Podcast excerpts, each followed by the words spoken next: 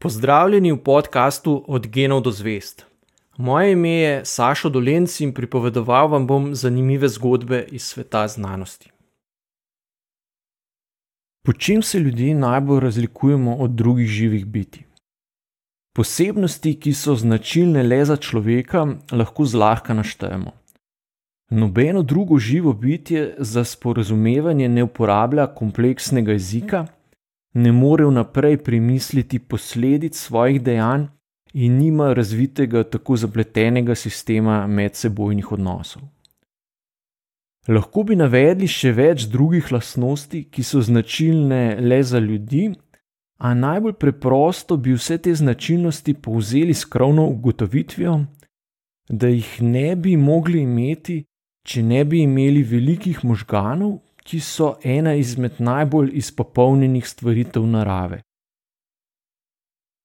Vendar uspešnosti ljudi pri izvajanju zapletenih opravil ne moremo pojasniti le z velikostjo človeških možganov, saj ti niso največji med vsemi živimi biti. Možgani slona so še trikrat večji kot so možgani ljudi, največje možgane pa imajo kiti. Prav tako imajo krave in šimpanzi približno enako velike možgane, a so se šimpanzi sposobni priučiti bistveno zahtevnejših opravil kot krave. Čem je torej skrivnost človeških možganov? V zadnjem milijonu let in pol se je pri človeških prednikih skozi evolucijo bistveno povečalo število nevronov v možganski skori, kar je povzročilo, da po sposobnosti mišljenja ljudje bistveno prekašamo naše najbližje naravne sorodnike. Vendar veliki možgani nikakor niso darilo, ki bi nam le koristilo za nje treba tudi skrbeti. Velika težava z velikimi možgani je namreč v tem, da potrebujejo za delovanje zelo veliko energije. Ugotovili so, da je energija, ki jo potrebujejo nevroni za svoje delovanje, dokaj univerzalna med biti z možgani in znaša približno 6 kilokalorij na dan za milijardo nevronov. Za človeške možgane to pomeni približno 500 kilokalorij na dan oziroma 24 vatov. Na prvi pogled takšna moč ni videti velika, saj je primerljiva s porabo žarnic, a zavedati se moramo, da mišice človeškega telesa pri gibanju porabljajo okrog 75 vatov moči.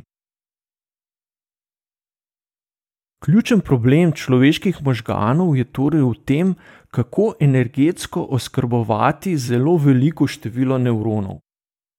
Telo mora, predvsem v obliki glukoze, dovajati možganom dovolj energije, da lahko ti nemoteno delujejo. Vsaj v naravnem okolju pa neprestano zagotavljanje teh potreb nikakor ni preprosto. Podatek o energiji, ki jo za delovanje potrebujejo možgani, pojasni tudi to, zakaj denimo gorile nimajo večjih možganov.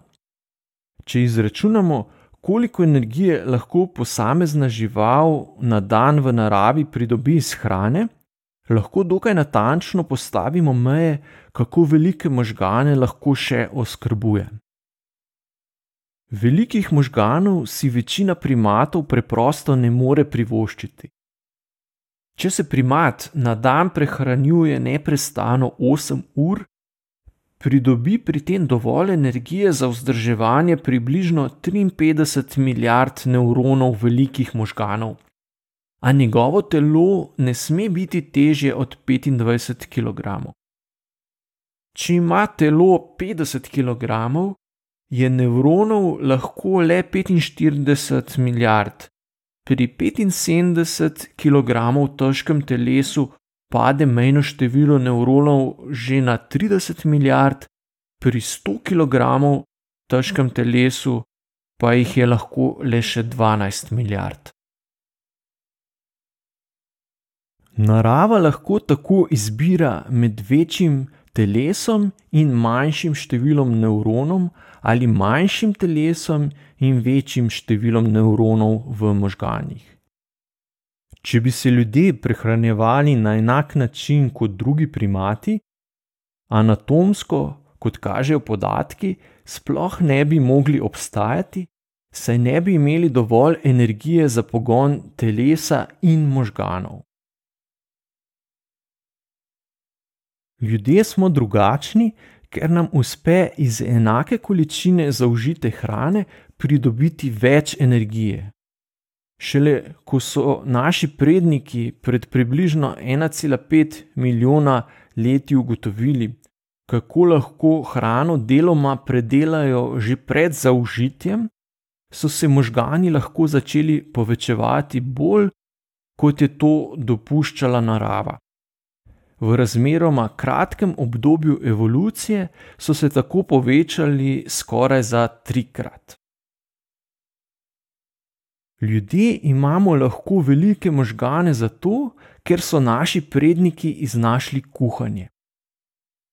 Ker se pri kuhanju hrana mehansko in toplotno preoblikuje že zunaj telesa, lahko naša prebava iz enake količine zaužite hrane izlušči več uporabne energije.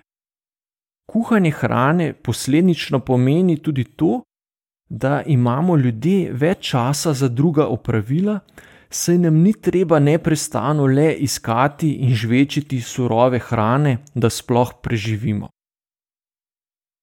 Seveda pa iznajdba kuhanja ne pomeni, da človek nikakor ne more preživeti, če se prehranjuje le s surovim sadjem, zelenjavo in oreščki.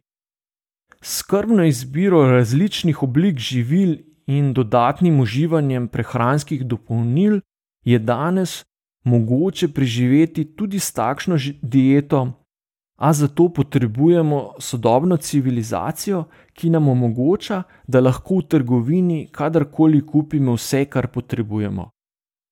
V naravi zgolj z nabiranjem sadežev dolgoročno težko preživimo, če ne živimo ravno na kakem rajskem otoku z obilo banan in drugega sadja. Človeški možgani so evolucijsko gledano postali zelo veliki šele pred kratkim. Trenutno predstavljajo približno 2 odstotka teže telesa, porabijo pa kar 25 odstotkov vse energije.